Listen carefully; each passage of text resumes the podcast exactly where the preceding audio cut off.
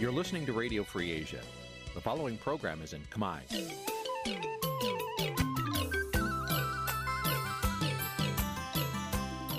Nǐ ជាកម្មវិធីផ្សាយ Vuthu Azizi Serai នេះជាកម្មវិធីផ្សាយរបស់ Vuthu Azizi Serai ជាភាសាខ្មែរ Vuthu Azizi Serai សូមស្វាគមន៍លោកអ្នកនាងទាំងអស់ពីរដ្ឋធានី Washington នៃសហរដ្ឋអាមេរិក បាទពីរដ្ឋធានីវ៉ាស៊ីនតោនខ្ញុំបាទសេកបណ្ឌិតសូមជម្រាបសួរអស់លោកអ្នកនាងកញ្ញាទាំងអស់ជាទីមេត្រីយើខ្ញុំសូមជូនកម្មវិធីផ្សាយសម្រាប់ព្រឹកថ្ងៃពុទ្ធ14កើតខែពិសាឆ្នាំថោះបញ្ញស័កពុទ្ធសករាជ2566ត្រូវនៅថ្ងៃទី3ខែឧសភា គ្រិស្តសករាជ2023ជាដំបូងនេះសូមអញ្ជើញអស់លោកអ្នកនាងស្ដាប់ព័ត៌មានប្រចាំថ្ងៃដែលមានមេត្តាដូចតទៅ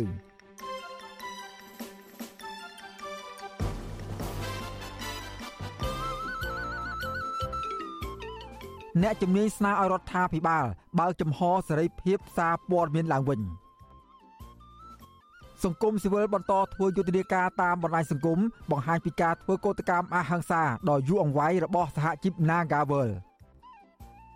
មតិយល់ឃើញរបស់ប្រជាពលរដ្ឋជុំវិញបញ្ហាដែលកើតមានឡើងនៅក្នុងព្រឹត្តិការណ៍ SEA Games អាញាធរខេត្តស្វាយរៀងនិងខេត្តត្បូងឃ្មុំ គម្រាមពលរដ្ឋមិនឲ្យនិយាយអំពីរឿងព្រំដែនរួមនឹងព័ត៌មានសំខាន់សំខាន់មួយចំនួនទៀត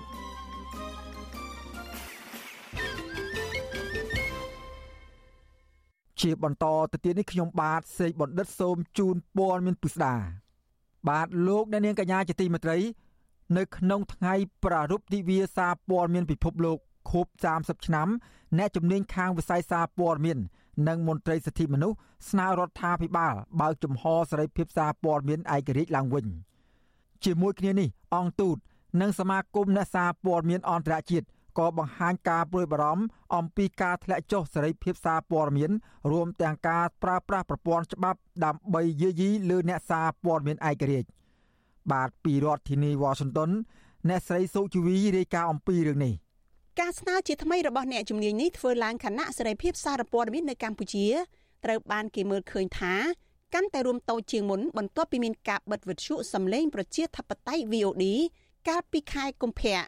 នាយកប្រតិបត្តិនៃសម្ព័ន្ធអ្នកសារព័ត៌មានកម្ពុជាហៅកាត់ថាកម្ពុជាលោកណុកវីលើកឡើងថា ការបើកលំហឲ្យមានសេរីភាពសារព័ត៌មាននឹងអាចលើកកម្ពស់សេរីភាពបញ្ចេញមតិ ដែលជាសសរស្តម្ភសំខាន់នៅក្នុងដំណើរការរីកលូតលាស់នៃលទ្ធិប្រជាធិបតេយ្យ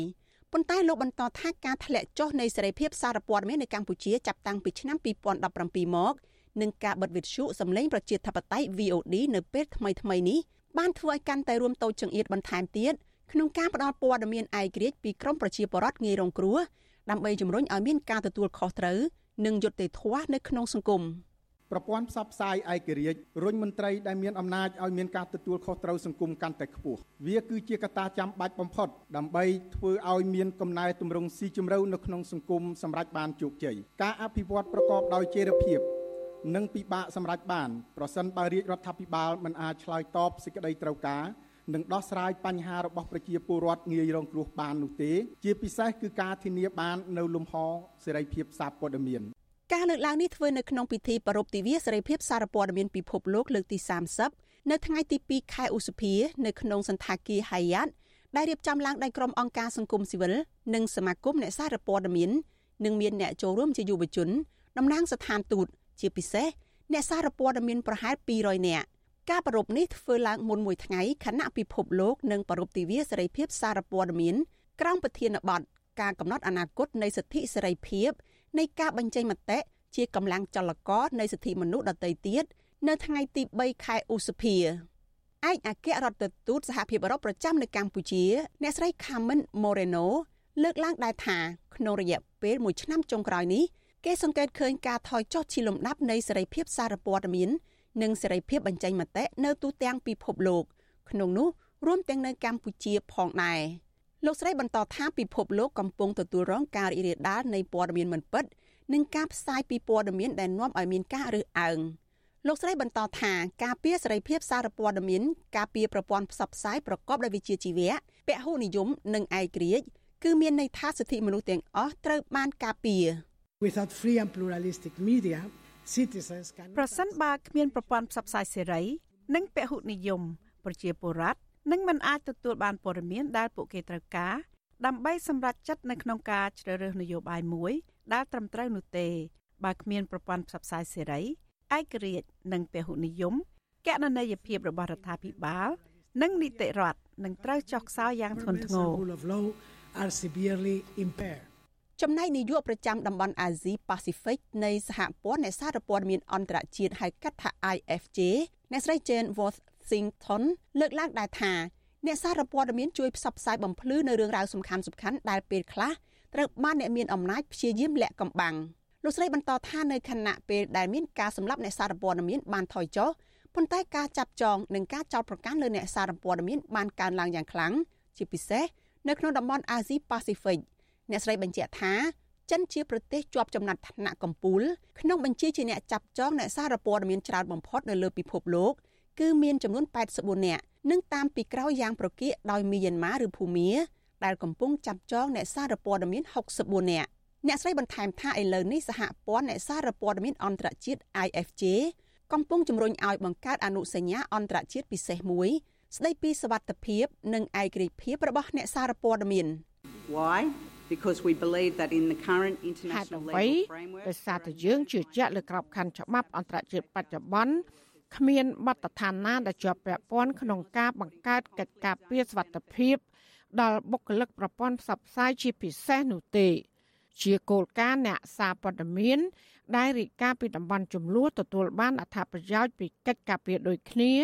ដែលផ្ដល់ដោយច្បាប់មនុស្សធម៌អន្តរជាតិដល់ជនស៊ីវិលប៉ុន្តែអនុសញ្ញាទីក្រុងឈឺណែវបច្ចុប្បន្នដែលបានបង្កើតឡើងកាលពីឆ្នាំ1949 មិនបានទទួលស្គាល់ថាអ្នកសារព័ត៌មានប្រឈមនឹងហានិភ័យកាន់តែច្រើនបើប្រៀបធៀបទៅនឹងជនស៊ីវិលដទៃទៀតនោះ greater ឡើយ risks when compared to other civilians. ពាក់ព័ន្ធនឹងវិស័យសារព័ត៌មាននៅកម្ពុជាត្រូវគេមើលឃើញថាកាន់តែរួមតូចក្តីប៉ុន្តែអ្នកនាំពាក្យក្រសួងព័ត៌មានលោកមាសសុភ័ណ្ឌបញ្ជាក់ថាសេរីភាពសារព័ត៌មាននៅកម្ពុជានៅតែមានលក្ខណៈល្អប្រសើរដូចដើមទោះយ៉ាងណាលោកព្រមានថា ការបិទវិទ្យុ VOD គឺជាមេរៀនមួយសម្រាប់ស្ថាប័នសារព័ត៌មានផ្សេងទៀតនៅកម្ពុជា ដែលជាវត្ថុមួយដែលអនុវត្តមិនបានត្រឹមត្រូវទៅតាមក្រមសីលធម៌វិជ្ជាជីវៈមិនអនុវត្តឲ្យបានត្រឹមត្រូវទៅតាមច្បាប់លិខិតបទដ្ឋានគតិយុត្តដែលមានជាធរមានពុំមែនជាការសម្លាប់សិទ្ធិសេរីភាពសារព័ត៌មាននៅកម្ពុជានោះផ្ទុយទៅវិញគឺជាការពញ្ញាក់ស្មារតីឲ្យអង្គភាពសារព័ត៌មានទាំងអស់ត្រូវតែទទួលខុសត្រូវ ចំពោះវិជ្ជាជីវៈរបស់ខ្លួនត្រូវតែទទួលខុសត្រូវចំពោះអឺការអនុវត្តទូនីតិភារកិច្ចរបស់ខ្លួនយ៉ាងនេះក្តីនាយិកាមជ្ឈមណ្ឌលសិទ្ធិមនុស្សកម្ពុជាអ្នកស្រីច័កសុភីបលើកឡើងថា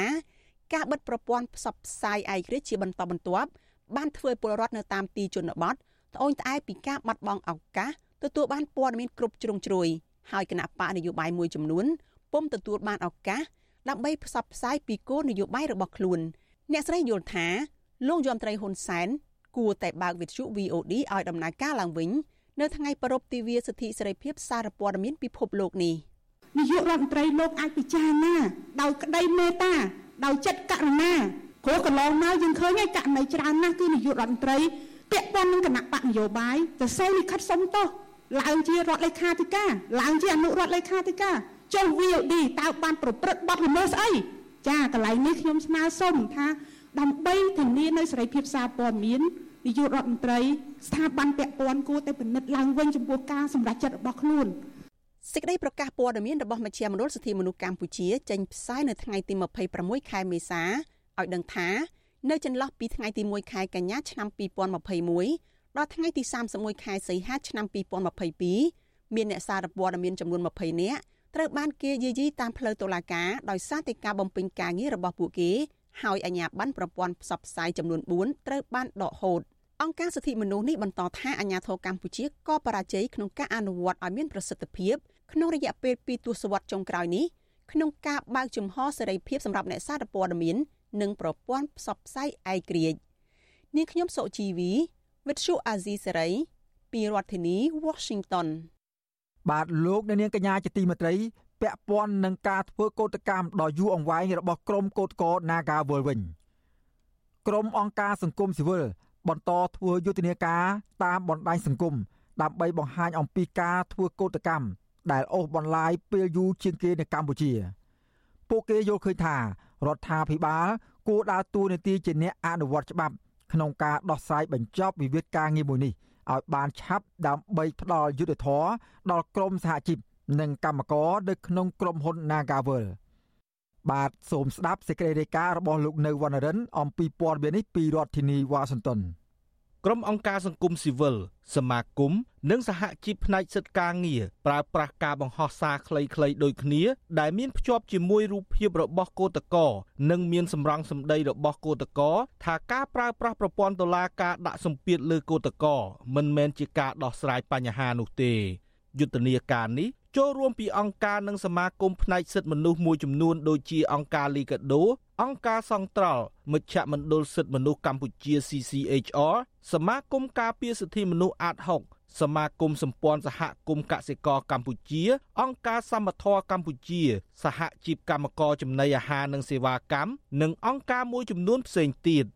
ប្រធានសមាគមការពារសិទ្ធិមនុស្សអាត6លោកនីសុខា ប្រាប់វិទ្យុអាស៊ីសេរីនៅថ្ងៃទី2ឧសភាថាការធ្វើយុទ្ធនាការតាមបណ្ដាញសង្គមនេះគឺជាការតស៊ូមតិមួយដើម្បីជំរុញឲ្យរដ្ឋាភិបាលដោះស្រាយបញ្ចប់វិវាទការងារដ៏រ៉ាំរ៉ៃអូសបន្លាយរយៈពេលជាង1ឆ្នាំរបស់សហជីព Nagavel លោកបន្តថាការប្រងើកន្តើយរបស់រដ្ឋាភិបាលដោយមិនដោះស្រាយបញ្ហារបស់កម្មករបញ្ហាដីធ្លីបញ្ហាសិទ្ធិសេរីភាពបញ្ចេញមតិជាដើមនោះអាចធ្វើឲ្យរដ្ឋាភិបាលទទួលរងគេឈ្មោះមិនល្អ និងអាចទទួលរងសម្ពាធពីប្រទេសប្រជាធិបតេយ្យ ខ្ញុំគិតថាបើរដ្ឋាភិបាលនៅតែមានការព្រមយកចិត្តទុកដាក់ឲ្យបានខ្ពស់ក្នុងការដោះបញ្ហានេះនេះវានឹងជះឥទ្ធិពលមកទៅដល់កេរ្តិ៍ឈ្មោះរដ្ឋាភិបាលហើយវាអាចធ្វើឲ្យមានការប៉ះពាល់ទៅដល់ការដាក់សម្ពាធខាងផ្សេងផ្សេងទៀតរបស់ពិសេសគឺសហភាពអឺរ៉ុបឬក៏សហរដ្ឋអាមេរិកឬក៏ប្រទេសប្រកាន់ប្រជាធិបតេយ្យមួយចំនួនទៀតពីព្រោះនេះយើងគិតថាដើម្បីសម្រួលបរិយាកាសទាំងអស់នេះដើម្បីឈានទៅរៀបចំឲ្យមានដំណើរការបោះឆ្នោតកុំឲ្យមានបញ្ហាចោតប្រកាន់ឬក៏លៀបពណ៌ឬក៏សាច់ទឹកដាក់គ្នាទៅវិញទៅមកហ្នឹងធ្វើម៉េចសម្រួលបរិយាកាសនយោបាយបរិយាកាសសេរីភាពទាំងអស់ហ្នឹងឲ្យស្របទៅតាមដំណើរការនៃការអនុវត្តគោលការណ៍ប្រជាធិបតេយ្យស្រដៀងគ្នានេះដែរប្រធានសហព័ន្ធសហជីពចំណីអាហារនិងសេវាកម្មកម្ពុជា អ្នកស្រីអ៊ូតេផូលីនក៏សម្គាល់ឃើញថាការបញ្ឈប់សហជីពនៅក្រុមហ៊ុនបនលបែង Nagavel គឺភាគីក្រុមហ៊ុនយកលេសជំងឺរាតត្បាត COVID-19 មកបញ្ឈប់សហជីពឯករាជ្យដែលមាននៅក្នុងក្រុមហ៊ុន អ្នកស្រីយល់ឃើញថាការបញ្ឈប់សហជីពបែបនេះគឺជាការបំបិតសម្លេងសហជីពឯករាជ្យដែលជួយការពារផលប្រយោជន៍កម្មករនៅកន្លែងធ្វើការ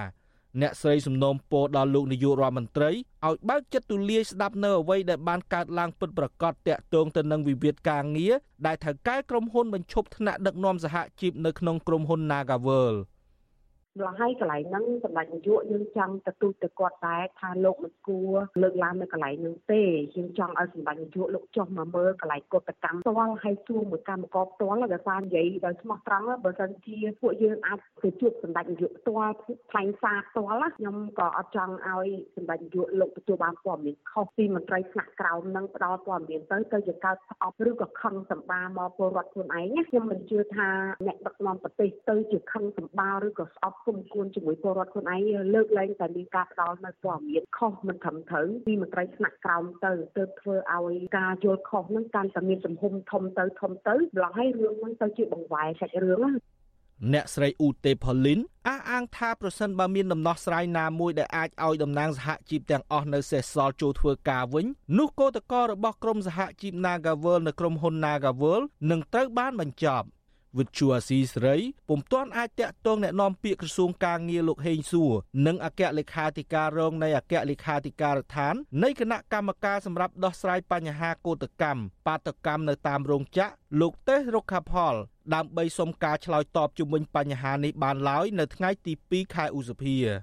កន្លងទៅក្រុមកោតក្របានធ្វើកោតកម្មទាមទារឲ្យថៅកែក្រុមហ៊ុនបនលបែងដោះស្រាយវិវាទការងារអស់រយៈពេលជាង1ឆ្នាំទៅហើយ ប៉ុន្តែអាជ្ញាធររបស់លោកហ៊ុនសែននិងក្រុមហ៊ុនបានរួមគ្នាចោទប្រកាន់និងប្រើប្រាស់ប្រព័ន្ធតុលាការដើម្បីចាប់ឃុំខ្លួនតំណាងកម្មករដាក់ពន្ធនាគារជាបន្តបន្ទាប់ដូចជាកញ្ញាឈឹមស៊ីធ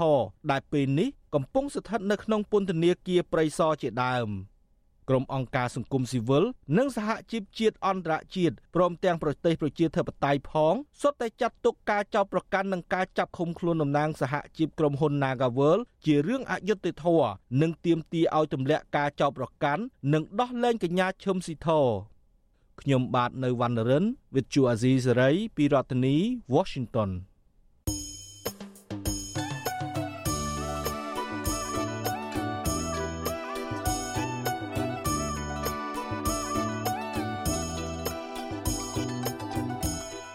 បាទលោកអ្នកនាងកំពុងតាមដានស្ដាប់ការផ្សាយរបស់វិទ្យុអសីសេរីពីរដ្ឋធានីវ៉ាស៊ីនតោនសហរដ្ឋអាមេរិកបាទក្រៅពីលោកអ្នកនាងតាមដានស្ដាប់ការផ្សាយរបស់យើងខ្ញុំតាមរយៈបណ្ដាញសង្គមមាន YouTube Facebook និងប្រព័ន្ធសង្គម Telegram នោះលោកអ្នកនាងក៏អាចស្ដាប់ការផ្សាយរបស់វិទ្យុអសីសេរីតាមរយៈវិទ្យុរលកធារកាសខ្លីឬ Shortwave តាមកម្រិតនិងកម្ពស់ដូចតទៅនេះ បាទពេលព្រឹកចាប់ពីម៉ោង5កន្លះដល់ម៉ោង6កន្លះ តាមរយៈប៉ុស SW 12.14 MHz ស្មើនឹងកម្ពស់ 25m ប៉ុស SW 13.71 MHz ស្មើនឹងកម្ពស់ 22m នៅពេលយប់ចាប់ពីម៉ោង7កន្លះដល់ម៉ោង8កន្លះតាមរយៈប៉ុស SW 9.33 MHz ស្មើនឹងកម្ពស់ 32m ប៉ុស SW 11.88 MHz ស្មើនឹងកម្ពស់ 25m និងប៉ុស SW 12.14 MHz ស្មើនឹងកម្ពស់ 25m បាទសូមអរគុណ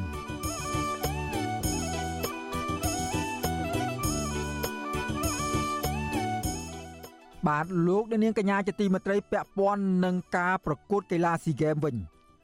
ក្រមប្រជាពលរដ្ឋលើកឡើងថាបាតុភិបនិងបញ្ហាដែលបង្កឡើងដោយបុគ្គលសាធារណៈមួយចំនួន កំពុងអូសទាញមហាជនចេញពីរឿងសំខាន់សំខាន់ឲ្យទៅផ្ដោតតែលើរឿងអត់ប្រយោជន៍និងធ្វើឲ្យប្រទេសជាតិអាប់អោនមុខមាត់ស្របពេលដែលកម្ពុជា កំពុងធ្វើជាម្ចាស់ផ្ទះនៃព្រឹត្តិការណ៍កីឡាស៊ីហ្គេមសង្គមស៊ីវិលយល់ឃើញថាភាពស្មុគស្មាញនិងបញ្ហាដែលកើតមានឡើងនៅក្នុងព្រឹត្តិការណ៍ស៊ីហ្គេមនេះបណ្ដាលមកពីការខ្វះខាតបទពិសោធន៍នៅក្នុងការរៀបចំ និងខ្វះការសម្របសម្រួលគ្នារវាងភាគីពាក់ព័ន្ធ បាទពីរដ្ឋធានី Washington លោកយ៉ងច័ន្ទរាមានសេចក្តីរាយការណ៍អំពីរឿងនេះគណៈកម្ពុជាកំពុងរៀបចំព្រឹត្តិការណ៍ SEA Games ដែលលោកនាយរដ្ឋមន្ត្រីហ៊ុនសែនហាក់មានក្តីរំពឹងខ្ពស់ថានឹងទទួលបានប្រជាប្រិយភាពនិងការកោតសរសើរពីប្រជាពលរដ្ឋនិងបណ្ដាប្រទេសដែលមកចូលរួមនោះពេលនេះហាក់មានភាពរញ៉េរញ៉ៃមួយចំនួនកើតឡើង ភាពរញ៉េរញ៉ៃនេះមួយផ្នែកគឺបណ្ដាលមកពីចំនួនដណ្ដើមប្រជាប្រិយភាពគ្នា រវាងតារាចម្រៀងដែលច្រៀងសរសើរការដឹកនាំរបស់លោកហ៊ុនសែននិងការថ្នាំងថ្នាក់ចិត្តពីប្រជាពលរដ្ឋមួយចំនួនទៅលើការរៀបចំទទួលអត្តពលិកឬក្រុមកីឡាករយុវជនជនជាដើមភាគតិចគួយ និងជាអ្នកនិពន្ធលោកប៊ិនយ៉ានប្រាប់វិទ្យុអាស៊ីសេរីនៅថ្ងៃទី2ខែឧសភាថា ការបង្ហោះសារវាយប្រហារគ្នា និងជាប្រតិចគ្នា បង្កឡើងដោយបុគ្គលសាធារណៈមួយចំនួននៅក្នុងអំឡុងពេលព្រឹត្តិការណ៍កីឡាស៊ីហ្គេមនេះកំពុងបង្កើតរូបភាពអវិជ្ជមានដល់មុខមាត់កម្ពុជាជាជាន់គឺកំពុងតែធ្វើការគ្រប់គ្រងទៅលើកីឡាស៊ីហ្គេមយកគេដាក់ទៅលើកីឡាស៊ីហ្គេមរួមទាំងបរទេសរួមទាំងខ្មែរយើងទាំងនៅក្នុងស្រុកនិងក្រៅស្រុកអញ្ចឹងដល់ពេលយើងមានអាបញ្ហាហ្នឹងចូលមកវាទៅជាបញ្ហាហ្នឹងវាទៅជាប្រធានបទក្តៅអញ្ចឹងធ្វើមនុស្សតាមដានទៅលើរឿងមកផ្លេចអារឿងស៊ីហ្គេមនឹងអីផ្សេងៗទៅបាត់ហ្នឹង ការរិះគន់នេះគឺបន្ទាប់ពីមានភាពចម្រូងចម្រាសគ្នារវាងសិល្បករប្រចាំព្រឹត្តិការណ៍ SEA Games ដែលកម្ពុជាធ្វើជាម្ចាស់ផ្ទះក្នុងការរៀបចំការប្រគំតន្ត្រីនៅវិមានឈ្នះឈ្នះកាលពីថ្ងៃទី29ខែមេសា ដោយផលិតកម្ម Galaxy Navatra ក្រោមចំណងជើងថាស្រឡាញ់អ្វីដែលខ្មែរមាន ដែលបទចម្រៀងនេះនិពន្ធនិងច្រៀងដោយក្រុមសិល្បករប្រចាំផលិតកម្ម Galaxy Navatra របស់លោកលេងនវត្រាបទចម្រៀងនេះ ទទួលបានការកោតសរសើរពីលោកហ៊ុនសែននិងក្រសួងវប្បធម៌និងវិចិត្រសិល្បៈថាបង្កប់នៅសិល្បៈវប្បធម៌ប្រពៃណីនិងការអភិវឌ្ឍសង្គមកម្ពុជាទោះជាយ៉ាងណាបទចម្រៀងស្រឡាញ់អ្វីដែលខ្មែរមាននេះ បានទទួលនឹងការរិះគន់ពីប្រជាពលរដ្ឋមួយចំនួន ដែលក្នុងនោះប្រជាពលរដ្ឋខ្លះបញ្ចេញទស្សនៈមិនគាំទ្រខ្លះទៀតបានប្រៀបធៀបអត្តន័យនៅក្នុងចម្រៀងទៅនឹងការកាប់បំផ្លាញព្រៃឈើនៅភ្នំតាម៉ៅ កាលពីឆ្នាំ2022ដោយបដូរចំណងជើងថា បំផ្លាញអ្វីដែលខ្មែរមានពាក់ព័ន្ធទៅនឹងមតិរិះគន់ចំពោះបទចម្រៀងនេះលោកលេងនវត្រាបានសរសេរនៅលើ Facebook ជាបន្តបន្ទាប់ដោយចោទថាតារាចម្រៀងរ៉េបវ័យក្មេងលោកវ៉ាន់ដា ធ្វើចរិតតួឯកនិងបង្កើតក្រុមមួយដែលលោកហៅថា MMO ដែលមានន័យថាក្រុមរកប្រាក់អនឡាញលោកលេងនវត្រាបានចោទថា ក្រុមនេះគឺជាអ្នកវាយប្រហារទៅលើបទចម្រៀងស្រឡាញ់អ្វីដែលខ្មែរមានថាបានចំណាយប្រាក់ទៅឲ្យបណ្ដាញសង្គម YouTube ដើម្បីបង្កើនចំនួនអ្នកទស្សនាក៏ប៉ុន្តែជុំវិញការចោទប្រកាន់នេះអ្នកចម្រៀងរ៉េបវ័យក្មេងលោកវ៉ាន់ដាមិនបានឆ្លើយតបទៅនឹងលោកលេងនវត្រាវិញនោះទេគិតត្រឹមយប់ថ្ងៃទី2ខែឧសភាតកតងទៅនឹងរឿងនេះយុវជនរស់នៅរាជធានីភ្នំពេញលោកលក្ខសារាយយល់ឃើញថា បុគ្គលល្បីៗនិងអ្នកមានធនធាន គួរតែស្វះស្វែងជួយលើកស្ទួយនិងផ្សព្វផ្សាយរឿងល្អៗដើម្បីលើកមុខមាត់ប្រទេសកម្ពុជាជាជាងបង្កើតរឿងរ៉ាវប្លែកៗដើម្បីតែដណ្ដើមកេរ្តិ៍ឈ្មោះនិងភាពល្បីល្បាញរៀងៗខ្លួន។ យើងលើកតាម្នាក់ពីរនាក់ចោលគាត់បែរជាមានរឿងឆ្លុះកែកគ្នាមានរឿងរិះគន់មានរឿងវែកញែកពេលខ្លះអាចឈានដល់ការប្រើពាក្យសម្ដីមិនសមរម្យនៅក្នុង social media ទៀតអញ្ចឹងវាធ្វើឲ្យគេមើលមកអត់សមឬមួយក៏ប្រជាជនខ្មែរយើងបែងចែកអត់ច្បាស់ថាអូយើងត្រូវទួយស៊ីហ្គេមតែមិនមានរឿងវែកញែកចេះញែកញែកអញ្ចឹងធ្វើឲ្យអាណាធិបតេយ្យផ្នែកនឹងមួយទៀតដោយឡែកសម្រាប់ប្រជាពលរដ្ឋដែលតាមដាននយោបាយវិញពួកគាត់នៅតែបន្តរិះគន់រដ្ឋាភិបាលរឿងមិនយកកម្រៃលើសេវាកម្មនានា នៅក្នុងព្រឹត្តិការណ៍កីឡាស៊ីហ្គេមដែលធ្វើឲ្យខាត់បងប្រយោជន៍ជាតិពួកគាត់រិះគន់លោកនាយរដ្ឋមន្ត្រីហ៊ុនសែនដែលមិនយកកម្រៃលើសេវាកម្មនានានៅក្នុងព្រឹត្តិការណ៍នេះថាធ្វើឡើងដើម្បីមុខមាត់បកជាជាងប្រយោជន៍របស់ជាតិវិទ្យុអាស៊ីសេរីមិនអាចតាក់ទងអគ្គលេខាធិការគណៈកម្មាធិការជាតិអូឡ িম্প ិកកម្ពុជាលោកវ៉ាត់ចម្រើន និងប្រធានអង្គភិបអ្នកនាំពាក្យរដ្ឋាភិបាលលោកផៃស៊ីផាន ដើម្បីសុំការបកស្រាយអំពីរឿងនេះបានទេ កាលពីថ្ងៃទី2ខែឧសភា ទោះជាយ៉ាងណាអ្នកស្រាវជ្រាវការពិវត្តសង្គមលោកបណ្ឌិតមាសនេះយល់ឃើញថា ភាពស្មុគស្មាញនិងបញ្ហាដែលកើតឡើងនៅក្នុងព្រឹត្តិការណ៍ SEA Games នេះអាចបណ្ដាលមកពីកម្ពុជាខ្វះបទពិសោធន៍នៅក្នុងការរៀបចំ និងខ្វះការសម្របសម្រួលគ្នារវាងភាគីពាក់ព័ន្ធលោកបន្តថាចំពោះការផ្ដល់សម្បត្តិដល់អ្នកចូលទស្សនាដោយឥតគិតថ្លៃនោះគឺជារឿងល្អក៏ប៉ុន្តែរដ្ឋាភិបាលអាចប្រឈមទៅនឹងបញ្ហាថវិកាជាតិ វា60ឆ្នាំហើយដែលកម្ពុជាមិនធ្លាប់មានបទពិសោធន៍ក្នុងការរៀបចំកីឡាស៊ីហ្គេមដែលមានអត្ថពលិកប្រមាណរហូតដល់ជាង10000នាក់ដូច្នេះនេះគឺជាការលំបាកមួយរបស់កម្ពុជាផងដែរអ្វីដែលកើតមានឡើងភាពស្មុគស្មាញនេះវាអាចមកពីការខ្វះខាតនៅបទពិសោធន៍នៅក្នុងការរៀបចំកម្មវិធីកីឡាផ្សេងៗគ្នាអញ្ចឹងដែលមានច្រើនណា ការប្រកួតកីឡា SEA Games ផ្លូវការនឹងចាប់ផ្ដើមនៅថ្ងៃទី5ដល់ថ្ងៃទី17ខែឧសភា ដែលមាន11ប្រទេសចូលរួមនិងបញ្ជូនប្រតិភូកីឡាចូលរួមជាង12000នាក់ដោយមានកីឡាចំនួន37ប្រភេទព្រឹត្តិការណ៍កីឡា SEA Games ដែលកម្ពុជាធ្វើជាម្ចាស់ផ្ទះជាលើកដំបូងនេះទទួលបានការកោតសរសើរពីអត្តពលិកមួយចំនួនដែលមកចូលរួមក៏ប៉ុន្តែទន្ទឹមនឹងនេះក៏ទទួលបាននូវការរិះគន់ពីប្រជាពលរដ្ឋនិងបណ្ដាប្រទេសមួយចំនួនដែរ ក្នុងនោះមន្ត្រីកីឡាម៉ាឡេស៊ីបានសម្ដែងការខកចិត្តនឹងរដ្ឋាភិបាលកម្ពុជា ដែលផ្ដល់សិទ្ធិផ្សព្វផ្សាយព្រឹត្តិការណ៍កីឡា SEA Games នេះដោយឥតគិតថ្លៃខុសពីអ្វីដែលប្រទេសជាសមាជិក បានសម្រេចរួមគ្នាខ្ញុំយ៉ងច័ន្ទដារាវិទ្យុអាស៊ីសេរី Washington បាទលោកនាងកញ្ញាជាទីមេត្រីពាក់ព័ន្ធនឹងការប្រកួតកីឡា SEA Games នេះដែរកម្ពុជារំពឹងថា នឹងដណ្ដើមបានមេដាយច្រើនក្នុងព្រឹត្តិការណ៍កីឡា SEA Games លើកទី32ដែលប្រព្រឹត្តទៅចាប់ពីថ្ងៃទី5ដល់ថ្ងៃទី17ខែមេសាខាងមុខនេះប្រធានគណៈកម្មាធិការជាតិអូឡ িম্প ិកកម្ពុជា និងជារដ្ឋមន្ត្រីក្រសួងទេសចរលោកថោងខុនមានប្រសាសន៍កាលពីថ្ងៃទី1ឧសភាថាអត្តពលិកកម្ពុជាប្រមាណ40%ត្រូវបានបញ្ជូនឲ្យទៅហ្វឹកហាត់និងប្រកួតនៅបរទេសដើម្បីពង្រឹងសមត្ថភាព និងបច្ចេកទេសនៅមុនព្រឹត្តិការណ៍ស៊ីហ្គេមលោករំពឹងថាចំនួនមេដាយដែលអត្តពលិកកម្ពុជាអាចទទួលបាននៅឆ្នាំនេះអាចនឹងកើនឡើងដល់200%បើប្រៀបធៀបនឹងចំនួនមេដាយដែលទទួលបានកាលពីលើកមុនកម្ពុជាទទួលបានមេដាយសរុប63គ្រឿងក្នុងព្រឹត្តិការណ៍ SEA Games លើកទី31នៅប្រទេសវៀតណាមកាលពីឆ្នាំ2022ក្នុងនោះ មេដាយមាសមានចំនួន9គ្រឿងប្រាក់13គ្រឿងនិងមេដាយសំរឹទ្ធចំនួន41គ្រឿងព្រឹត្តិការណ៍កីឡាស៊ីហ្គេមលើកទី32ដែលកម្ពុជាធ្វើជាម្ចាស់ផ្ទះនៅពេលនេះមានប្រតិភូកីឡាសរុបចំនួនជាង12000នាក់និងមានកីឡាចំនួន37ប្រភេទកម្ពុជាមានប្រតិភូកីឡាសរុបចំនួនជាង1200នាក់តាក់ទងនឹងរឿងនេះដែរឧបនាយករដ្ឋមន្ត្រីវៀតណាមលោកចាន់លូកាំង នឹងមកបំពេញទស្សនកិច្ចការងារនៅកម្ពុជា ហើយលោកនឹងចូលរួមក្នុងពិធីបើកការប្រកួតកីឡាស៊ីហ្គេមនេះនៅថ្ងៃទី5ខែឧសភាខាងមុខប្រទេសវៀតណាម បានបញ្ជូនប្រតិភូកីឡាសរុបជាង1000នាក់ដើម្បីចូលរួមព្រឹត្តិការណ៍កីឡាថ្នាក់តំបន់មួយនេះ។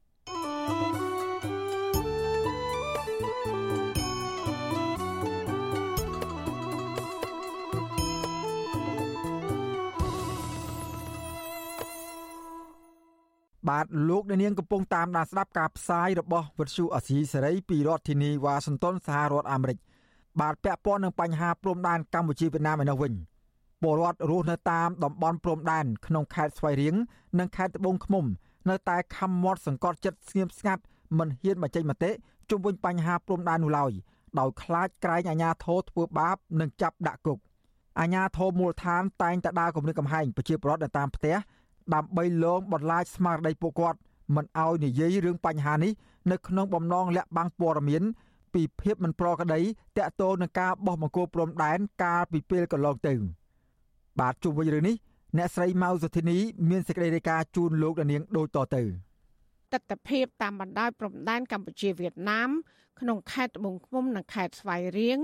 បើមើលពីខាងក្រៅហាក់ស្ងប់ស្ងាត់ធម្មតាក៏ប៉ុន្តែធាតពិត ក្នុងអារម្មណ៍របស់បរដ្ឋបង្កប់នៅបញ្ហាចម្រូងចម្រាសជាច្រើន ដែលបរដ្ឋព្រួយបារម្ភពីមហិច្ឆតាឈានពានរបស់វៀតណាម ដែលនៅតែបន្តកើតមានគ្រប់រូបភាពស្របពេលដែលអាជ្ញាធរបន្តបិទសិទ្ធិពួកគាត់មិនឲ្យរវីរវល់ពីបញ្ហាទាំងនេះអ្នកភូមិភាគច្រើនគិតតែរឿងរកប្រាក់ចំណូលចិញ្ចឹមក្រពះនិងការធ្វើកសកម្មផ្សេងៗដើម្បីជីវភាពគ្រួសារដោយពួកគាត់ មិនហ៊ានងើបតវ៉ាទាមទារដីធ្លី ដែលអាជ្ញាធរបោះបង្គោលលយចូលជ្រៅដល់ដីស្រែរបស់ពួកគាត់នោះឡើយយុវជនរស់នៅរាជធានីភ្នំពេញលោកសឿនមករាដែលតែងតែចុះពិនិត្យមើលបង្គោលព្រំដែននៅខេត្តមួយចំនួនប្រាប់បច្ចុប្បន្នស៊ីស្រីនៅថ្ងៃទី2ខែសុភាថាពេលនេះស្ថានភាពព្រំដែនកម្ពុជាខុសគ្នាដាច់ស្រឡះនឹងប្រទេសវៀតណាម។ លោកបញ្ជាក់ថាតំបន់ព្រំដែននៅប្រទេសវៀតណាម មានប្រព័ន្ធធារាសាស្ត្រអគ្គិសនីនិងផ្លូវខ្វាត់ខ្វែងដើម្បីលើកទឹកចិត្តឲ្យប្រជាប្រដ្ឋរបស់គេចូលទៅរស់នៅ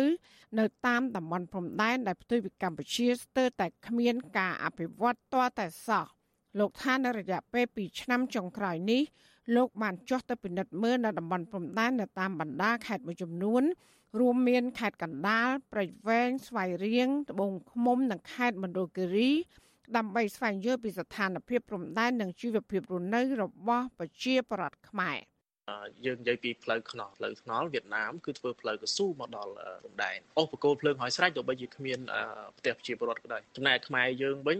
មានតែជីកបន្លាយកន្លែងខ្លះក៏ដាច់ខូងក៏ដាច់អីចឹងទៅបាទនិយាយពីប៉ុស្តិ៍សន្តិសុខនិយាយថាប៉ុស្តិ៍យាមព្រំដែនហ្នឹងបាទខ្មែរយើងកន្លែងខ្លះដូចជារោងចាំចាប់តើឲ្យមនុស្សទៅយាមយ៉ាងម៉េចខុសពីវៀតណាមខុស វៀតណាមទោះបីជាភ្លើងកន្លែងហ្នឹងមិនទៅដល់យ៉ាងណាក៏ដាក់សូលែដាក់អីមើលទៅអាចថារស់នៅបានអីចឹងសម្រាប់ប្រទេសនៅក្នុងការរស់នៅកន្លែងហ្នឹងមកទល់ពេលនេះស្ថានភាពតំបន់ព្រំដែនខ្មែរភាគច្រើន គឺផ្លូវពិបាកធ្វើដំណើរការធ្វើកសិកម្មពឹងផ្អែកទៅលើទីផ្សារវៀតណាម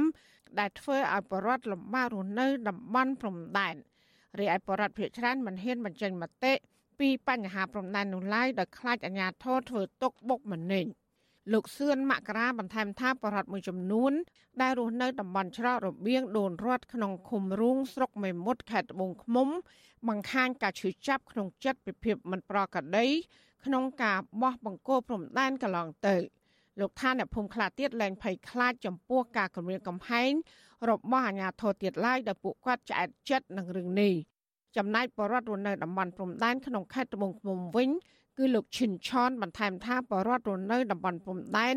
ពិបាកវេទនាទាំងកាយនិងចិត្តខ្វះភាពកក់ក្ដៅមិនត្រឹមតែបាត់បង់ដីស្រែគេដូនតានោះទេបែរជាខ្លាចជាជនរងគ្រោះជាប់បណ្ដឹងនៅតុលាការយ៉ាងហោចណាស់ក៏3នាក់ដែរដោយសារតែការទៀមទាដីស្រែកៅឪពុកម្ដាយរបស់ខ្លួនវិញ។ លោកថាតំបន់ព្រំដែនខ្មែរភាគច្រើនពុំសូវមានការអភិវឌ្ឍនោះទេ ហើយបរដ្ឋខ្មែរធ្វើចំណាក់ស្រុកស្ងាត់ភូមិនិងជំពាក់បំណុលធនាគារបង្ខំចិត្តដល់ធ្វើកម្មករដើម្បីរកប្រាក់ដោះបំណុលច្រើនណាដែលគាត់រុញមកពីពីមួយភូមិទៅមួយភូមិថយថយមកដល់ច័ន្ទមួយសប្តាហ៍ថ្ងៃហ្នឹងបាទអាហ្នឹងនិយាយពីប្រវត្តិដើមទីមួយខ្លាចសពបងទីមួយខ្លាចពីគម្រាមខ្លាចពីចាប់ដាក់គុកខ្លាចហានិភ័យណាមួយទៅសម្រាប់ខ្លួនគេណាបងបាទពីខ្លាចតែម្ដងបាទ សម្រាប់ការមើលឃើញខ្ញុំវត្ថុអសីស្រីមិនទាន់អាចតតងសុំការបំភ្លឺរឿងនេះពីទេសរដ្ឋមន្ត្រីទទួលបន្ទុកកិច្ចការព្រំដែនលោកវ៉ាកំហុងបាននៅឡើយទេនៅថ្ងៃទី2ខែសុភាដោយសារទូរស័ព្ទហៅចូលច្រើនដង តែគ្មានអ្នកលើកចំណែកឯប្រធានអង្គភិបអ្នកនាំពាក្យរដ្ឋាភិបាលលោកផៃសិផានវិញក៏វិទ្យុអសីស្រីនៅមិនទាន់អាចតតងបានដែរនៅថ្ងៃដដែលនេះក៏ប៉ុន្តែមន្ត្រីជាន់ខ្ពស់រដ្ឋាភិបាលតែងតែលើកឡើង ថារដ្ឋាភិបាលបានយកចិត្តទុកដាក់ការពារព្រំដែននៅគ្រប់វិស័យរួមមានវិស័យការពារជាតិសន្តិសុខនិងការអភិវឌ្ឍនៅតាមព្រំដែនលើពីនេះរដ្ឋាភិបាលក៏បានបង្ហាញខ្ទង់ចំណាយថវិកាជាតិរួចរាល់អស់ហើយក្នុងការពង្រឹងវិស័យសន្តិសុខជាតិនិងសន្តិសុខសង្គមនៅតាមព្រំដែនប្រធានអង្គភិបអ្នកនាំពាក្យរដ្ឋាភិបាលលោកផៃស៊ីផាន ធ្លាប់ប្រាប់វិទ្យុស៊ីស្រីថាអាញាធរបានសាងសង់ផ្លូវក្រវ៉ាត់ព្រំដែនរួចរាល់ហើយដែរនិងបានបញ្ជូនតម្រួតការពារព្រំដែនឲ្យឈរជើងប្រចាំការនៅគ្រប់តំបន់ចំណែកឯលោកវ៉ាកំហុងលោកបានប្រាប់វិទ្យុស៊ីស្រីកាលពីខែមីនាថាមកទល់ពេលនេះរដ្ឋាភិបាលនៅមិនទាន់បានបោះបង្គោលព្រំដែនជាមួយភាគីវៀតណាមរួចរាល់នៅឡើយទេព្រោះការដោះស្រាយបញ្ហានេះ ចាំបាច់ត្រូវឯកភាពគ្នាទាំងសងខាងដើម្បីកំណត់ខ្សែបន្ទាត់ព្រំដែនផ្លូវការច្បាស់លាស់ហើយបរដ្ឋណានិយាយបរដ្ឋអ៊ីស្រាអែលឬបរដ្ឋណាអ៊ីស្រាអែលគ្មានអរឯងអរឯងអ្នកតំណាងនៅអីស្រុកខ្មែរផងមិនក៏ដឹងទៅបរដ្ឋឥឡូវគេចេះនិយាយយកបរដ្ឋនិយាយយើងអត់មានទេណាប្រសាសកាសរាល់ទៅពេលសេនាណាហ៊ានថាអរឯងអរឯងជាភ្នាក់ងារអ៊ីស្រាអែលគឺឲ្យយកមានវិធានការច្បាប់ខ្ញុំឮដូច្នេះក៏និយាយទៅបរដ្ឋបរដ្ឋណាដែលយើងសួរបរដ្ឋអ៊ីស្រាអែលថា តកតងបញ្ហានេះប្រធានក្រុមប្រឹក្សាឃ្លាំមើលកម្ពុជានៅប្រទេសណូវេលោកម៉ាណាតយុធាញាធរតែងតែគម្រាមបរដ្ឋមិនឲ្យនិយាយរឿងព្រំដែនដើម្បីលាក់បាំងព័ត៌មានពីភាពមិនប្រក្រតីនៃការបោះបង្គោលព្រំដែនកន្លងទៅធ្វើឲ្យបាត់បង់ដីស្រែចម្ការរបស់ពលរដ្ឋលោកថាមានបញ្ហាប្រឈមជាច្រើនដែលរដ្ឋាភិបាលខ្វះចន្លោះអភិវឌ្ឍតាមព្រំដែនធ្វើឲ្យប៉ះពាល់ជីវភាពប្រជាពលរដ្ឋនៅតំបន់នោះ និងអធិបតេយ្យជាតិ ដោយតែរដ្ឋាភិបាលហ៊ុនសែនទេយើងនឹងមានហានិភ័យធំណាស់យើងប្រឈមនឹងការបាត់បង់ហើយទៅមិនហាព្រំដែនហ្នឹងតែក្នុងនាមយើងជាម្ចាស់ប្រទេសប្រជាពលរដ្ឋខ្មែរជាម្ចាស់ប្រទេសអ្នកទាំងអស់គ្នាជាម្ចាស់ប្រទេសប្រទេសកម្ពុជានេះយើងត្រូវតែរក្សាស្មារតីទៀមទានៅរឿងទាំងទៀមទាដោះស្រាយសាររើឡើងវិញនៅរឿងដែលមិនប្រក្រតីឡើងដែលធ្វើឡើងជាមួយប្រទេសជិតខាងកន្លងទៅនឹងបាទយុវជននិងបរដ្ឋឲ្យដឹងដែរថានៅតាមបណ្ដោយព្រំដែនខេត្តកណ្ដាលព្រៃវែង តាកែវមណ្ឌលគិរីនិងខេត្តក្រចេះក៏មានទស្សនវិជ្ជាព្រំដែនមានលក្ខណៈស្រដៀងគ្នានេះដែរដោយពុំសូវអភិវឌ្ឍទេដែលងាយធ្វើឲ្យកម្ពុជា អាចរបូតដីទៅវៀតណាមគ្រប់គ្រងជាបន្តទៀតចាននាងខ្ញុំម៉ៃសុធានីវិទ្យុអាស៊ីស្រីប្រធានាធិបតី Washington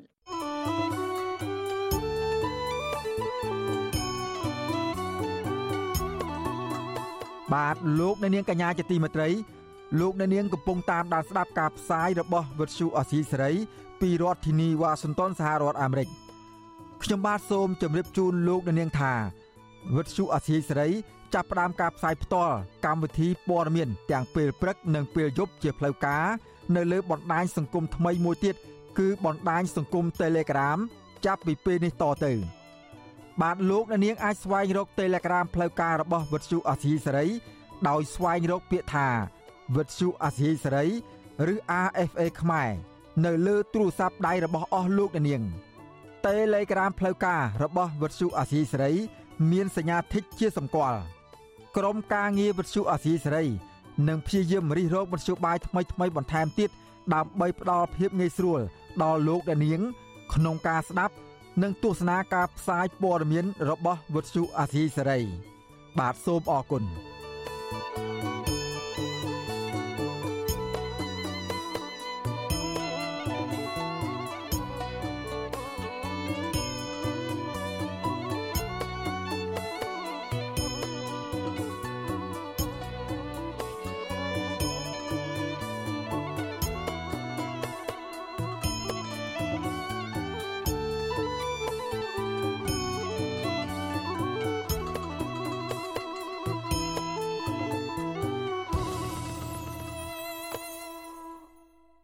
បាទលោកអ្នកនាងកញ្ញាជាទីមេត្រីពាក់ព័ន្ធនឹងសណ្ដាប់ធ្នាប់និងសវត្ថភាពនៅមន្ទីររដ្ឋសភាជាតិឯនោះវិញ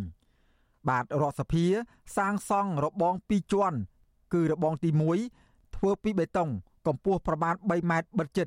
ចំណែករបងទី2ធ្វើពីដែកទុកចន្លោះតូចតូចមានកម្ពស់ប្រមាណ2ម៉ែត្រ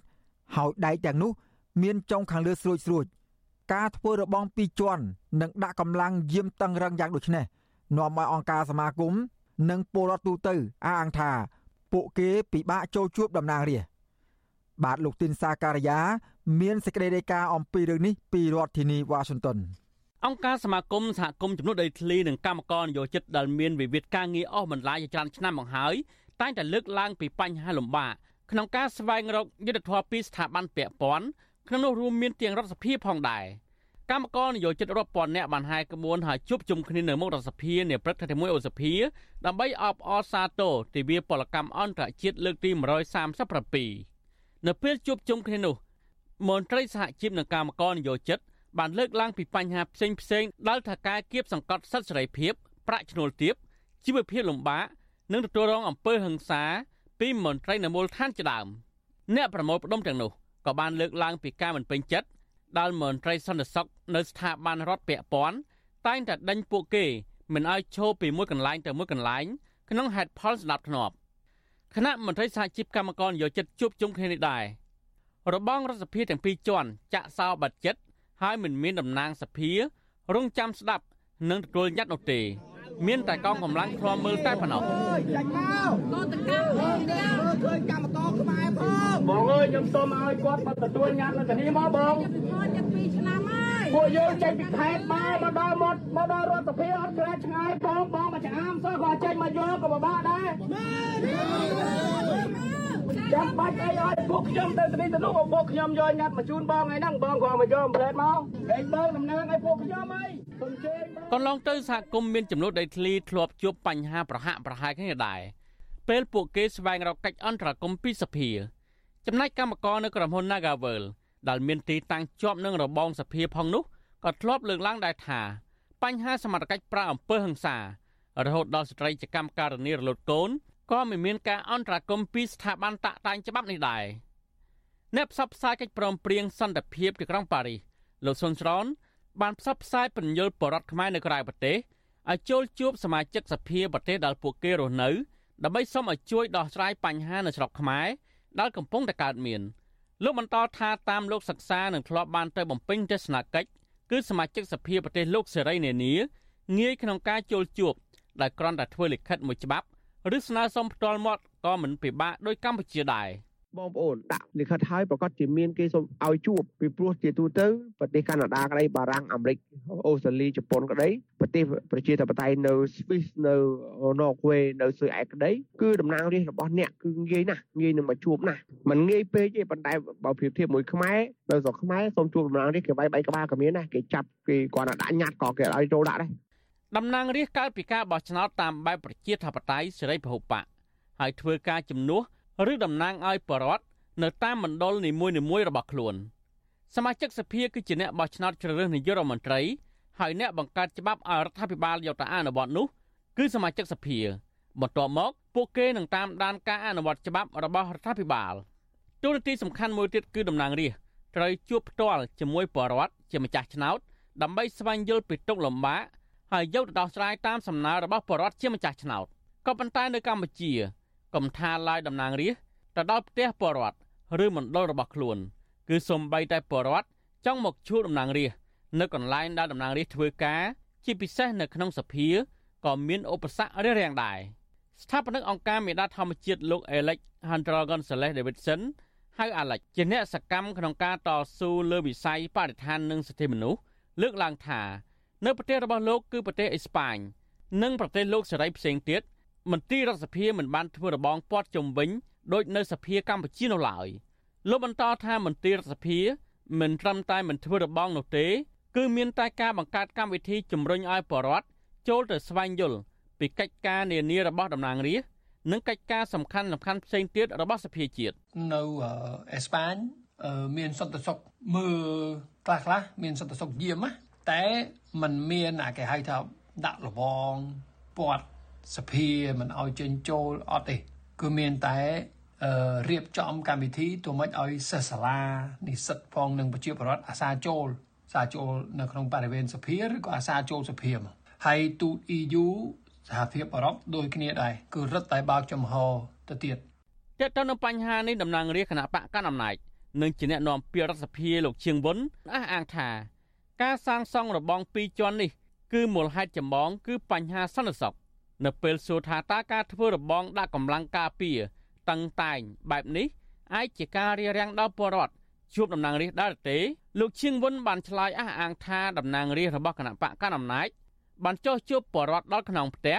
មិនមែនឲ្យពលរដ្ឋមកជួបនៅសភានោះទេហើយ នៅប្រជាប្រដ្ឋមិនមកសភាទេដើម្បីស្ថិតឲ្យចិត្តអ្នកដំណើររាហ្នឹងណដំណើររារបស់គណៈបព្វជិតទាំងអស់ទៅដល់មូលដ្ឋានស្វែងលើសភាពទេនៅតាមមូលដ្ឋានហើយប្រជាប្រដ្ឋនោះលោកមកជួបដំណើររារបស់លោកនៅតាមមូលដ្ឋាននោះគប់ខេត្តក្រុងទាំងអស់តំណាងរាស្ត្រចុកចុកជាប្រដ្ឋមិនមកសភាទេណាជាប្រដ្ឋលោកជួបតំណាងរាស្ត្ររបស់លោកមានការចល័យរបស់លោកអឺតំណាងរាស្ត្រហ្នឹងអ្នកទទួលប្រជាប្រដ្ឋយើងនៅតាមខេត្តមួយមួយសិតតែមានទាំងអស់ ទោះបីជាមានការអះអាងបែបនេះក្តីប្រធានមជ្ឈមណ្ឌលប្រជាប្រដ្ឋដើម្បីអភិវឌ្ឍនិងសន្តិភាពលោកយងកំឯងធ្លាប់លើកឡើងថាបញ្ហាច្រើនរបស់ពលរដ្ឋគឺកម្រឃើញតំណាងរាស្ត្រចេញមុខដោះស្រាយណាស់រហូតដល់មហាជនហាក់ភ្លេចថាមានស្ថាប័នតំណាងរាស្ត្រឬក៏សភាដែលជាអ្នកចាំជួយដោះស្រាយជូនពួកគាត់ថែមទៀតផងបញ្ហាជាច្រើនដែលកើតមានឡើងដូចជា ការចែកចាយគ្រឿងញៀនគ្រឿងស្រវឹងកម្មករបាត់បង់ការងារធ្វើ កសិផលមិនមានទីផ្សារបំណុលកើនឡើង ហើយថ្មីថ្មីនេះបរដ្ឋខ្មែររាប់រយនាក់ឆ្លងដែនខុសច្បាប់ដើម្បីទៅរកការងារធ្វើនៅក្រៅប្រទេសត្រូវសមត្ថកិច្ចថៃចាប់ចងដៃជាប់គ្នាដោយច្រវាក់ហើយបញ្ហាទាំងនេះមិនដាល់ឃើញសមាជិកសភា លើកយកមកជជែកសួរដេញដោលទៅតំណាងរដ្ឋាភិបាល ដើម្បីដោះស្រាយនៅឡើយតើតើនៅបញ្ហានេះអ្នកខ្លោមើលផ្នែកអភិវឌ្ឍសង្គមនិងសិទ្ធិមនុស្សលើកឡើងថាសភាគួរតែរើរបងចេញ ហើយបង្កើតជាកម្មវិធីបង្កបរិយាកាសឲ្យបរដ្ឋងាយចេញចូលនិងងាយលើកយកបញ្ហារបស់បរដ្ឋទៅកាន់សភា ដើម្បីឲ្យតំណាងរាស្ត្រជួយស្វែងរកដោះស្រាយជូនពួកគាត់ផ្ទុយទៅវិញតំណាងរាស្ត្រឬសភាបច្ចុប្បន្នសន្តិសុខប្រើអំពើហិង្សានៅមុខមន្ទីររដ្ឋសភា ចាប់ចងទាត់ធាក់វាយដំក៏តំណាងរាស្ត្រគណៈបកកណ្ដាលអំណាចមិនរវីរវល់ថាអំពើទាំងនោះ ជាអំពើខុសច្បាប់នោះឡើយខ្ញុំធីនសាការីយ៉ាអស៊ីសេរីប្រធានី វ៉ាស៊ីនតោនបាទលោកអ្នកនាងកញ្ញាជាទីមេត្រីស្ត្រីជនជាតិដើមភាគតិចភ្នំម្នាក់ដែលតស៊ូការពីប្រិយសហគមន៍រស់នៅខេត្តស្ទឹងត្រែង គឺលោកស្រីស្រាំងឡាញ់បានបង្ហាញពីភាពអយុត្តិធម៌និងទុកលំបាកជាច្រើន ផ្នែកជីវភាពក្រោយពីក្រុមហ៊ុន ទំនប់វារីអគ្គិសនីសេសានក្រោម2បិទទ្វារទឹកពន្លិចភូមិកំណើតរបស់ពួកគាត់អស់រយៈពេល6ឆ្នាំមកហើយស្ត្រីរូបនេះគឺជាមេដឹកនាំសហគមន៍ភូមិក្បាលរមាស ដែលក្លាហានស្វះស្វែងតស៊ូមតិជាង10ឆ្នាំមកហើយដើម្បីស្នើឲ្យអាជ្ញាធរចុះបញ្ជីដីសមរភាពភូមិក្បាលរមាសដែលជាអត្តសញ្ញាណភូមិកំណើតមរតកដូនតារបស់ជនជាតិដើមភាគតិចបាទលោកនាងនៅបានស្ដាប់សេចក្តីរាយការណ៍ពុស្ដាអំពីរឿងនេះនាពេលបន្តិចទៀត។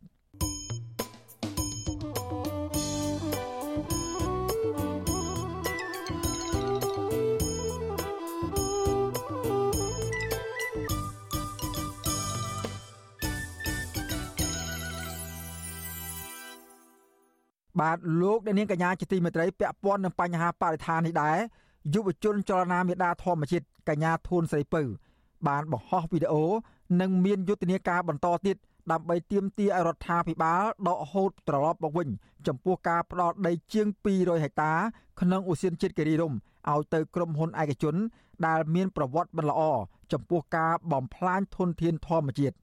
បាទសូមស្ដាប់សេចក្តីរាយការណ៍របស់លោកជាតិចំណាន អំពីរឿងនេះពីរដ្ឋធានីវ៉ាស៊ីនតោនសកម្មជនមេដាធម្មជាតិបានធ្វើវីដេអូស្នើសារជាថ្មីទៀតទៅកាន់រដ្ឋាភិបាលនៅថ្ងៃទី1ខែឧសភាក្នុងគោលបំណងស្នើទៅរដ្ឋាភិបាលឲ្យដកហូតដីសម្បត្តិពីក្រុមហ៊ុន One More តែសាច់ញាតិម្ចាស់ក្រុមហ៊ុននេះធ្លាប់បំផ្លាញធនធានធម្មជាតិនិងយកដីប្រជាពលរដ្ឋនៅក្នុងវីដេអូជាង2នាទីរបស់យុវជនចលនាមេដាធម្មជាតិសកម្មជនបរិស្ថានកញ្ញាធូនស្រីពៅ ថ្លែងថានៅក្នុងឧស្សាហជាតិគិរីរំដែលមានព្រៃស្រោងធំបំផុតនិងមានទេសភាពស្រស់ស្អាតហើយប្រជាពលរដ្ឋខ្មែរនិយមមកលេងកម្សាន្តក្រៅពីសម្បូរធនធានធម្មជាតិឧស្សាហជាតិនេះគឺជាកន្លែងប្រភពចំណូលសម្រាប់អាជីវករដែលលក់វត្ថុអនុស្សាវរីយ៍ម្ហូបអាហារផ្សេងៗជាដើមកញ្ញាបន្ថែមថាចាប់តាំងពីលោកហ៊ុនសែនបានចេញអនុក្រឹត្យកាលពីថ្ងៃទី27ខែមិថុនាឆ្នាំ2022ដោយកាត់ដីទំហំប្រមាណ222ហិកតាក្នុងឧទ្យានជាតិគិរីរម្យទៅឲ្យក្រុមហ៊ុន One More ដែលជាម្ចាស់កម្មសិទ្ធិរបស់អ្នកស្រីចឹងសុគន្ធធាវី ដែលត្រូវជាកូនស្រីរបស់អ្នកស្រីចឹងសុភីបដែលត្រូវគេស្គាល់ឈ្មោះថាយេភូគឺជាភរិយាលោកឡាវមេងខិនសមាជិកប្រសិទ្ធភាពមកពីគណៈបកប្រជាជនកម្ពុជាហើយពួកគេជាអ្នកជំនួញដ៏ល្បីខាងយកដីពលរដ្ឋនិងបំផ្លាញធនធានធម្មជាតិសកម្មជនបរិស្ថានរូបនេះព្រួយបារម្ភថាធនធានធម្មជាតិសត្វព្រៃនឹងអាចត្រូវបំផ្លាញដោយសួនសត្វភ្នំតាម៉ៅហេតុនេះកញ្ញាបានស្នើជាថ្មីទៀតដល់រដ្ឋាភិបាលឲ្យដកហូតព្រៃភ្នំតាម៉ៅពីក្រុមហ៊ុននេះមកវិញ ពួកយើងពិតជាមានការព្រួយបារម្ភខ្លាំងណាស់ព្រោះវាសនាធនធានធម្មជាតិសត្វព្រៃព្រមទាំងប្រជាពលរដ្ឋដែលពឹងអាស្រ័យនៅតំបន់នេះហើយពួកយើងក៏មានការព្រួយបារម្ភផងដែរថាឧស្សាហជាតិគិរីរម្យអាចនឹងរងការកាប់បំផ្លាញដោយព្រៃភ្នំតាម៉ៅដូច្នេះនាងខ្ញុំសូមស្នើទៅកាន់រាជរដ្ឋាភិបាលពិចារណាក្នុងការដកហូតសិទ្ធិពីក្រុមហ៊ុនឯកជននេះដើម្បីឲ្យរដ្ឋធ្វើការគ្រប់គ្រងថែរក្សាការពារឧស្សាហជាតិគិរីរម្យនេះដោយពីមុនឡើងវិញកញ្ញាបន្ថែមថាមកដល់ពេលនេះ មានពលរដ្ឋជាច្រើនមិនទាន់បានដឹងពីការអភិវឌ្ឍនិងបារម្ភចំពោះការបាត់បង់ធនធានធម្មជាតិនៅឧស្សាហជាតិគិរីរម្យនេះកញ្ញានិងសកម្មជនបដិឋានផ្សេងទៀតនឹងបន្តផ្សព្វផ្សាយចំពោះការកាត់ដីឲ្យក្រុមហ៊ុនហើយរំពឹងថារដ្ឋាភិបាលនឹងដកហូតមកវិញ ពួកយើងនៅតែនៅតាមជាបកបតទៀតហើយពួកយើងមិនថាទាំងខ្ញុំមិនថាយើងជាពលរដ្ឋមួយចំនួនទៀតនៅពេលដែលវីដេអូនេះត្រូវបានផ្ទុះឡើងនឹងឲ្យពួកគាត់ចង់ comment មកពួកយើងពួកគាត់ឆាតមកពួកយើងផ្ទាល់ថាពួកគាត់ពិតជាស្ញាក់អើពួកគាត់អត់ដឹងពួកគាត់ដែលខំនៅជាពលរដ្ឋគាត់អត់ដឹងវិសុអសីសេរីមិនអាចសុំការឆ្លើយតបពីអ្នកនាំពាក្យក្រសួងបរិស្ថានលោកណេតភក្ត្រានិងម្ចាស់ក្រុមហ៊ុន One More អ្នកស្រីចុងសុគន្ធធាវីបាននៅឡើយទេនៅថ្ងៃទី2ខែឧសភាប៉ុន្តែអភិបាលខេត្តកំពង់ស្ពឺលោកវីសំណាង លើកឡើងថាយុវជនមានការបារម្ភចំពោះការបាត់បង់ធនធានធម្មជាតិនិងបរិស្ថានចំណែករដ្ឋាភិបាលក៏មានការព្រួយបារម្ភចំពោះចំណុចនេះដូចគ្នាតែលោកថាគម្រោងអភិវឌ្ឍនេះមានស្ថាប័នឯករាជ្យពិនិត្យនិងវិតម្លៃផលប៉ះពាល់រួចហើយ ការបារម្ភរបស់គាត់ជារឿងត្រឹមត្រូវហើយប៉ុន្តែមុននឹងការអភិវឌ្ឍអីទាំងអស់គេមានក្រមវាយតម្លៃឯករាជ្យមួយទៀតឈ្មោះវាយតម្លៃឯករាជ្យតាក់ទងទៅនឹងផលប៉ះពាល់បរិស្ថាននិងសង្គមហើយនៅពេលដែលក្រមឯករាជ្យគាត់ចុះទៅវាយតម្លៃទៅពិនិត្យឃើញថាមានផលប៉ះពាល់ធ្ងន់ធ្ងរគឺគេអត់អនុញ្ញាតទេហ្នឹងណាទោះជាយ៉ាងណាសកម្មជនបរិស្ថានលោកសាន់ម៉ាឡាលើកឡើងថាការផ្ដោតដីសម្បត្តិនេះទំនងនឹងបំផ្លិចបំផ្លាញជនជាតិធម្មជាតិដូចសពមួយដងដែរ ហើយក្រុមហ៊ុនដែលទទួលបានដីសម្បត្តិសេដ្ឋកិច្ចនេះគឺជាក្រុមហ៊ុនរបស់ក្រុមគ្រួសាររបស់អ្នកស្រីចឹងសុភីបដែលធ្លាប់បំផ្លិចបំផ្លាញធនធានធម្មជាតិនិងបានបណ្ដេញពលរដ្ឋចេញពីលំនៅឋានលោកបន្ថែមទៀតថាការអភិវឌ្ឍនៅពេលកន្លងមកនេះទោះបីជារដ្ឋាភិបាលអះអាងថាมันប៉ះពាល់ដល់សង្គមនិងបរិស្ថានក្តីតែជាក់ស្ដែងការប៉ះពាល់នៅតែមានដូចជាការកាប់បំផ្លាញព្រៃឈើនៅសួនសត្វភ្នំតាម៉ៅការសាងសង់ទំនប់វារីអគ្គិសនីនៅខេត្តស្ទឹងត្រែងនិងការលុបបឹងតាមុកជាដើម។ ប៉ុន្តែកន្លងមកបើយើងពិនិត្យមើលដូចតកតងជាមួយនឹងបញ្ហាតម្ៅ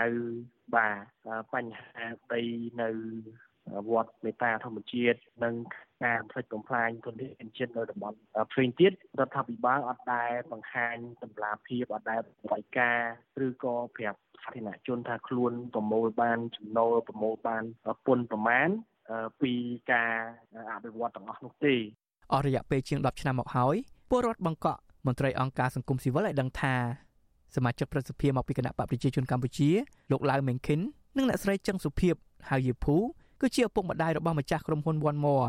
ដែលបានវិនិយោគលើតំបន់បឹងកក់និងបណ្ដេញអ្នករស់នៅទីនោះចេញទាំងបង្ខំនិងអយុត្តិធម៌អំឡុងឆ្នាំ2021អ្នកស្រីចឹងសុភីបហៅយីភូត្រូវបានប្រជាពលរដ្ឋនៅខេត្តព្រះសីហនុអះអាងថាបានលួចចាក់ដីលុបឆ្នេរសមុទ្រនៅចំណុចឆ្នេរអូត្រេសក្នុងស្រុកស្ទឹងហាវថ្មីថ្មីនេះ ប្អូនប្រុសរបស់អ្នកស្រីចង់សុភីបគឺលោកចឹងធានសេងក៏បានទទួលដីអនុប្រយោគទំហំសរុប334ហិកតានៅក្នុងភូមិពូតាំងសង្កាត់រមនីនិងភូមិពូរាំងឃុំសានមនោរមខេត្តមណ្ឌលគិរីមិនត្រឹមតែប៉ុណ្ណោះសហគមន៍ជនជាតិដើមភ្នំនៅទីនោះបានរងពាក្យបណ្ដឹងនឹងការបណ្ដេញចេញដោយបង្ខំផងដែរខ្ញុំបាទជាចំណាន Visual Assisray ប្រធានាទី Washington thank you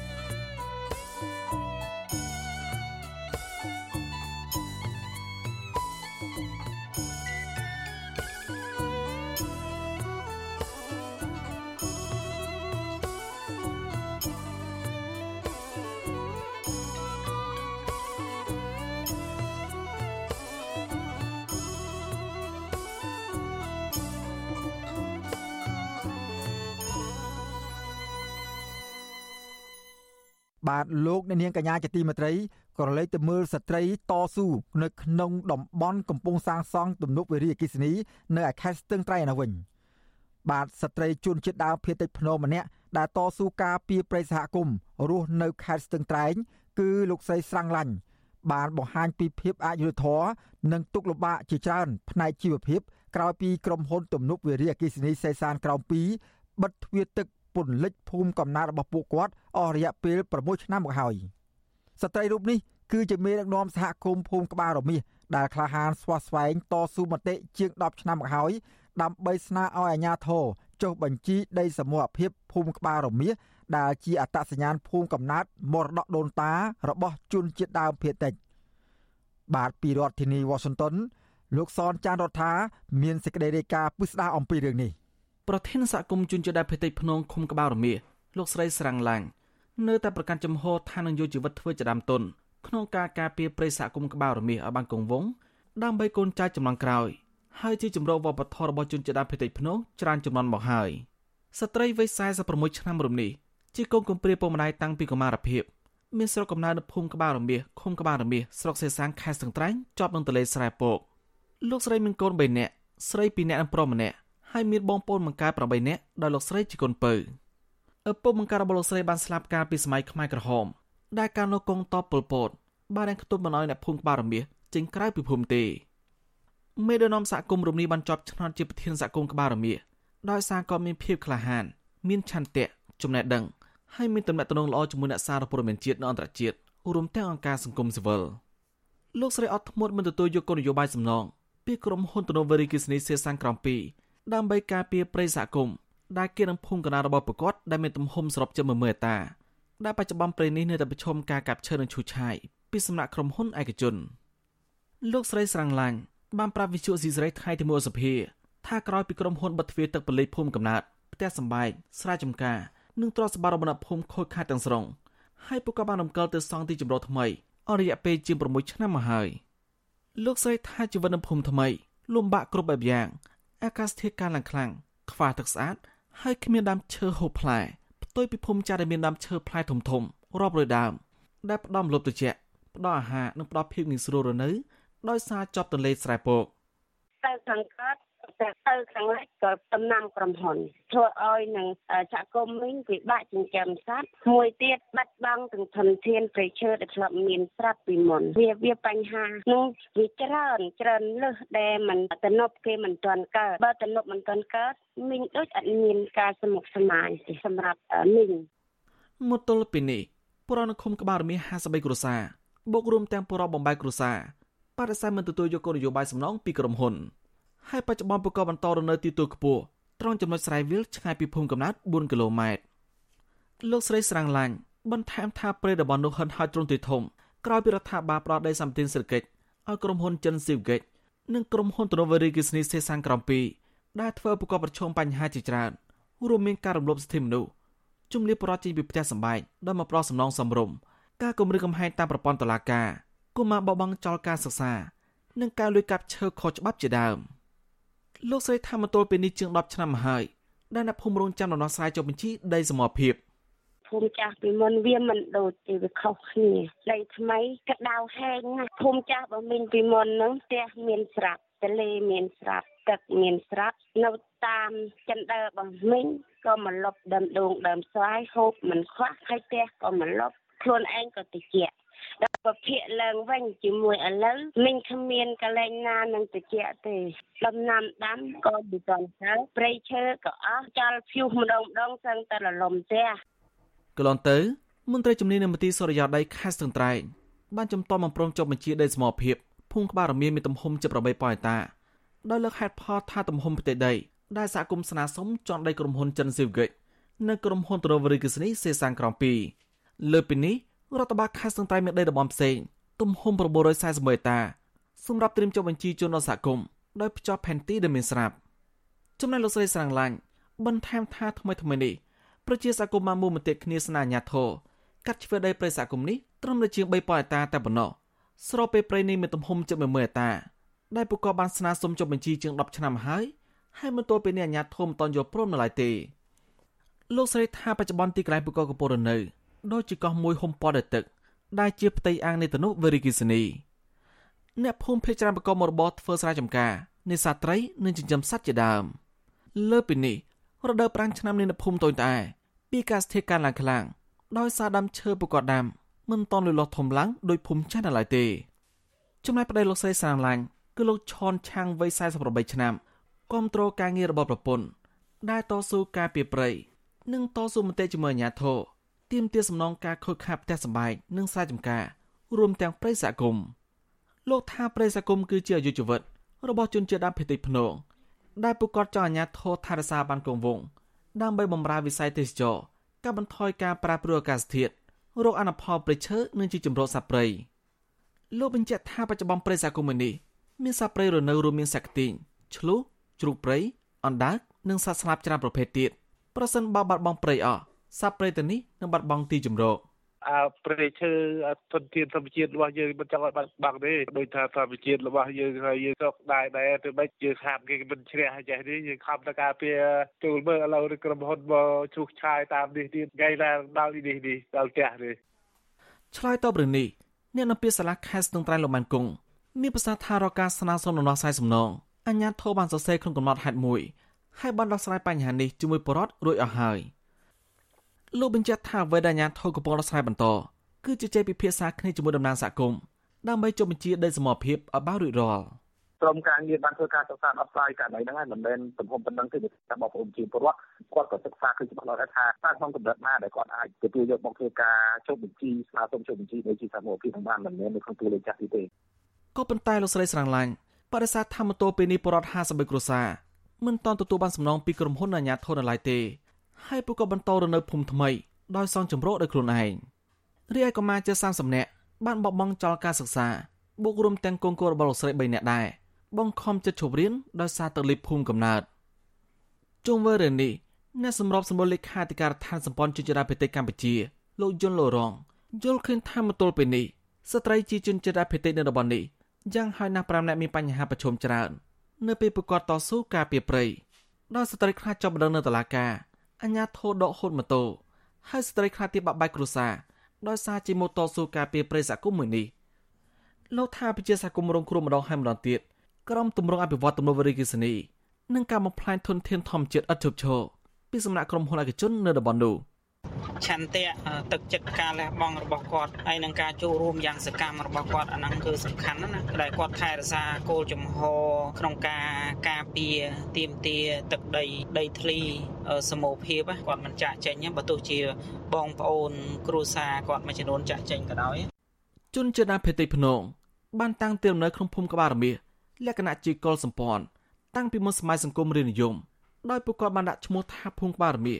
ដោយសារប្រទះឃើញសារមាសធំមួយក្បាលបានងក់ក្នុងទឹកនៅទៅពាំងមួយកន្លែងក្បែរតំបន់នោះកាលពីសម័យសង្គមរាជនិយមមេកុលសម្ព័ន្ធភ្នងបានយកផ្លូវដំរីមួយគូប្រវែងជា1ម៉ែត្រថ្វាយព្រះមហាក្សត្រនរោត្តមសីហនុដើម្បីស្នើសុំព្រះអង្គដាក់ឈ្មោះតំបន់នោះថាជាភូមិក្បាលរមាសក្នុងគោលបំណងចុះបញ្ជីភូមិនេះក្រោមការគ្រប់គ្រងរដ្ឋបាលរបស់ព្រះអង្គមកទល់ពេលនេះក្រមប្រតិនីពឹងផ្អែកលើព្រះសហគមន៍ដែលជាប្រភពចំណូលរបស់ពួកគាត់ដូចជាការនេសាទត្រីខ្វៀលគោក្របី ធ្វើសារចំការវិលជុំរកអនុផលព្រៃឈើបែបបន្លែនៅដងជាប់ទឹកជាដើមជនជាដើមភេទទាំងនេះសូចក្រាននាមមិនចាក់ចេញពីភូមិកំណើតដោយសារស្ដាយសំណោះព្រៃដនតាដើម្បីតកូនចៅចំនួនក្រោយខ្ញុំសនចាររថាវិទ្យុអេស៊ីសរ៉ៃរាយការណ៍ពីរដ្ឋធានីវ៉ាស៊ីនតោន